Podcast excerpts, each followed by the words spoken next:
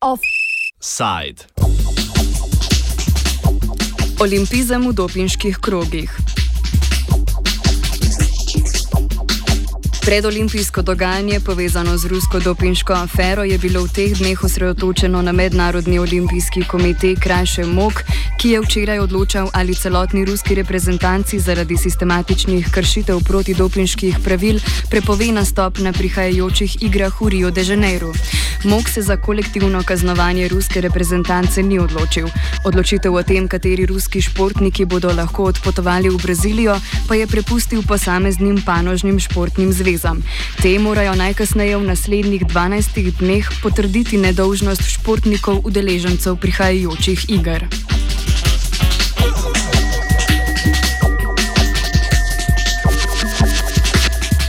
V Moku se zavedajo, da bo v tem kratkem roku izjemno težko zagotoviti vsa zaslišanja in zbrati vse potrebne dokaze, ki bi potrjevali ali zanikali dopinško nedolžnost ruskih športnikov. Direktor slovenske protidopinške organizacije s tujo kratico SLAO, SLOADO Jani Dvoršak zaradi vseh pristojnosti, ki jih imajo, kljub temu verjame, da panožnim zvezam lahko uspe opraviti nalogo. Kot prva je ruskim športnikom pot v Rio odobrila mednarodna. Teniška zveza, delno pa tudi že Mednarodna plavalska zveza. Mednarodne športne zveze namreč so po vadinem kodeksu, se pravi po svetovnem protidopinškem kodeksu, dolžne izvajati program nenapovedanih testiranj na, na, v tako imenovanem registriranem testnem pulu. To se pravi, to je skupina športnikov za testiranje. Uh, pred, kriteriji za vključitev športnikov v to vrstne skupine ali pa v te pule je praviloma so bodi si um, razvrstitve na svetovnih lestvicah, bodi si uh, doseženi rezultati na prejšnjih olimpijskih igrah oziroma svetovnih prvenstvih in kontinentalnih prvenstvih. Tako da mednarodne športne zveze natančno poznajo sestave. Eh, teh skupin sprejemajo športniki in so zadolženi za te športnike. Vse tisti športniki, ki pa bojo nastopili na olimpijskih igrah in niso v njihovih mednarodnih pulih, se morajo nahajati v nacionalnih pulih. Teh športnikov je bistveno manj kot tistih in zato je tak uh, ukrep se mi zdi uh, um, razumljiv in tudi, in tudi izvedljiv. Pa še nekaj, če pogledate število nastopajočih, športnikov v posameznih, zvez, eh, posameznih športih, potem v bistvu lahko ugotovite, da se število eh, nastopajočih športnikov spreminja, mislim, od 50-60 športnikov pa tja do 400. To se pravi, da gre za razmeroma majhne številke, ki so obladljive.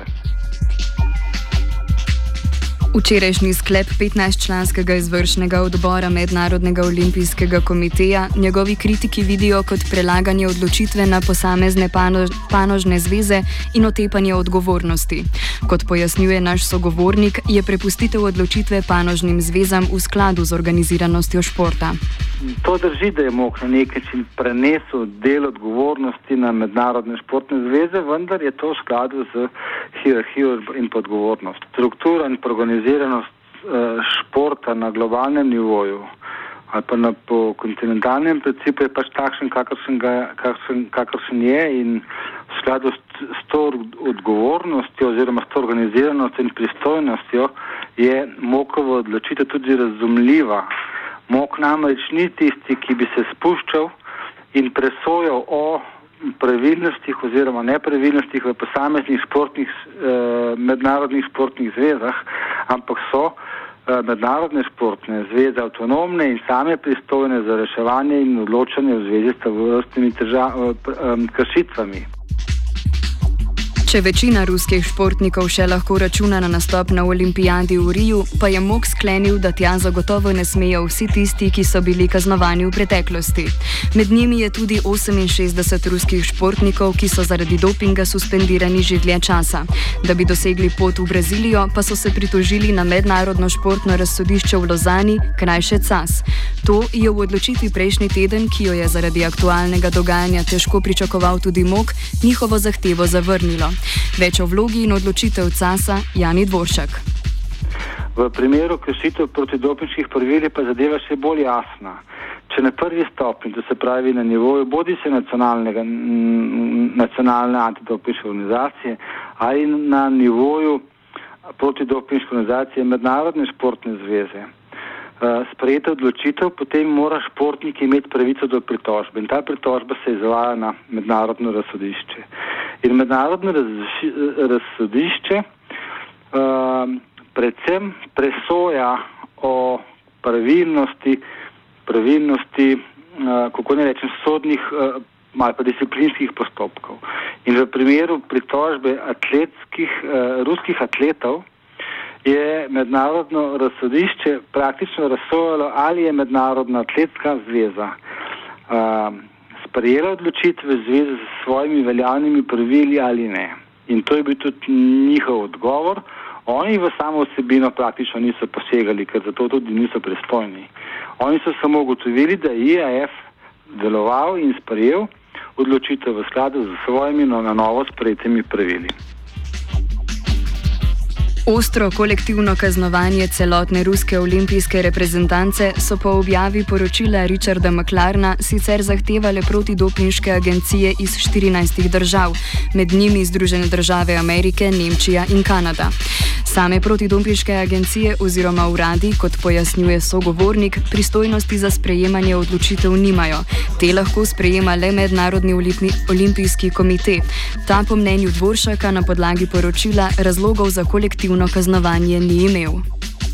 Po mojem osebnem prepričanju se mi zdi, da so nacionalne antidopinške organizacije pristojne in odgovorne za izvajanje protidopinškega programa v njihovih državah. Nimajo mandata in ni v njihovi pristojnosti, da bi odločali o tem, ali lahko športniki tako ali drugače nastopajo na olimpijskih igrah, ker je ta pristojnost v rokah Mednarodnega olimpijskega komiteja. Zdaj, kar se tiče same odločitve, seveda.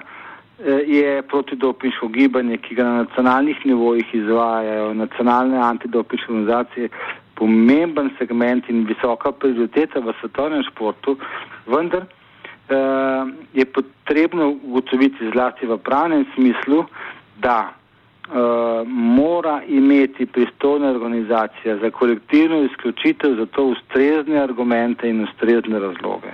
Jaz ne trdim, da, so, da je poročilo, ki ga je eh, McLaren oziroma njegova preiskovalna komisija ugotovila, da ni točno daleč od tega, je grozljivo in verjamem, da je veliko stvari resnih, vendar v 57 dnevih, kolikor je imel na voljo McLaren za to poročilo, eh, stvari niso dovolj dobro raziskane, da bi lahko na podlagi tega Mednarodni olimpijski komitej po moji oceni sprejel kolektivno uh, izključitev ruske delegacije z olimpijskih iger.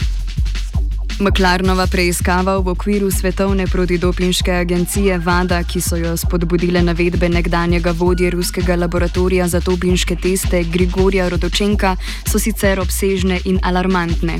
Kot navaja poročilo, je bil doping v Rusiji načrtovan, dobro organiziran, politično voden, vam pa je bila vključena tudi ruska tajna policija, ki naj bi pomagala skrivati pozitivne vzorce. Tudi zato je Mednarodni olimpijski komitej VADI predlagal naj Maklarnova komisija nadaljuje delo.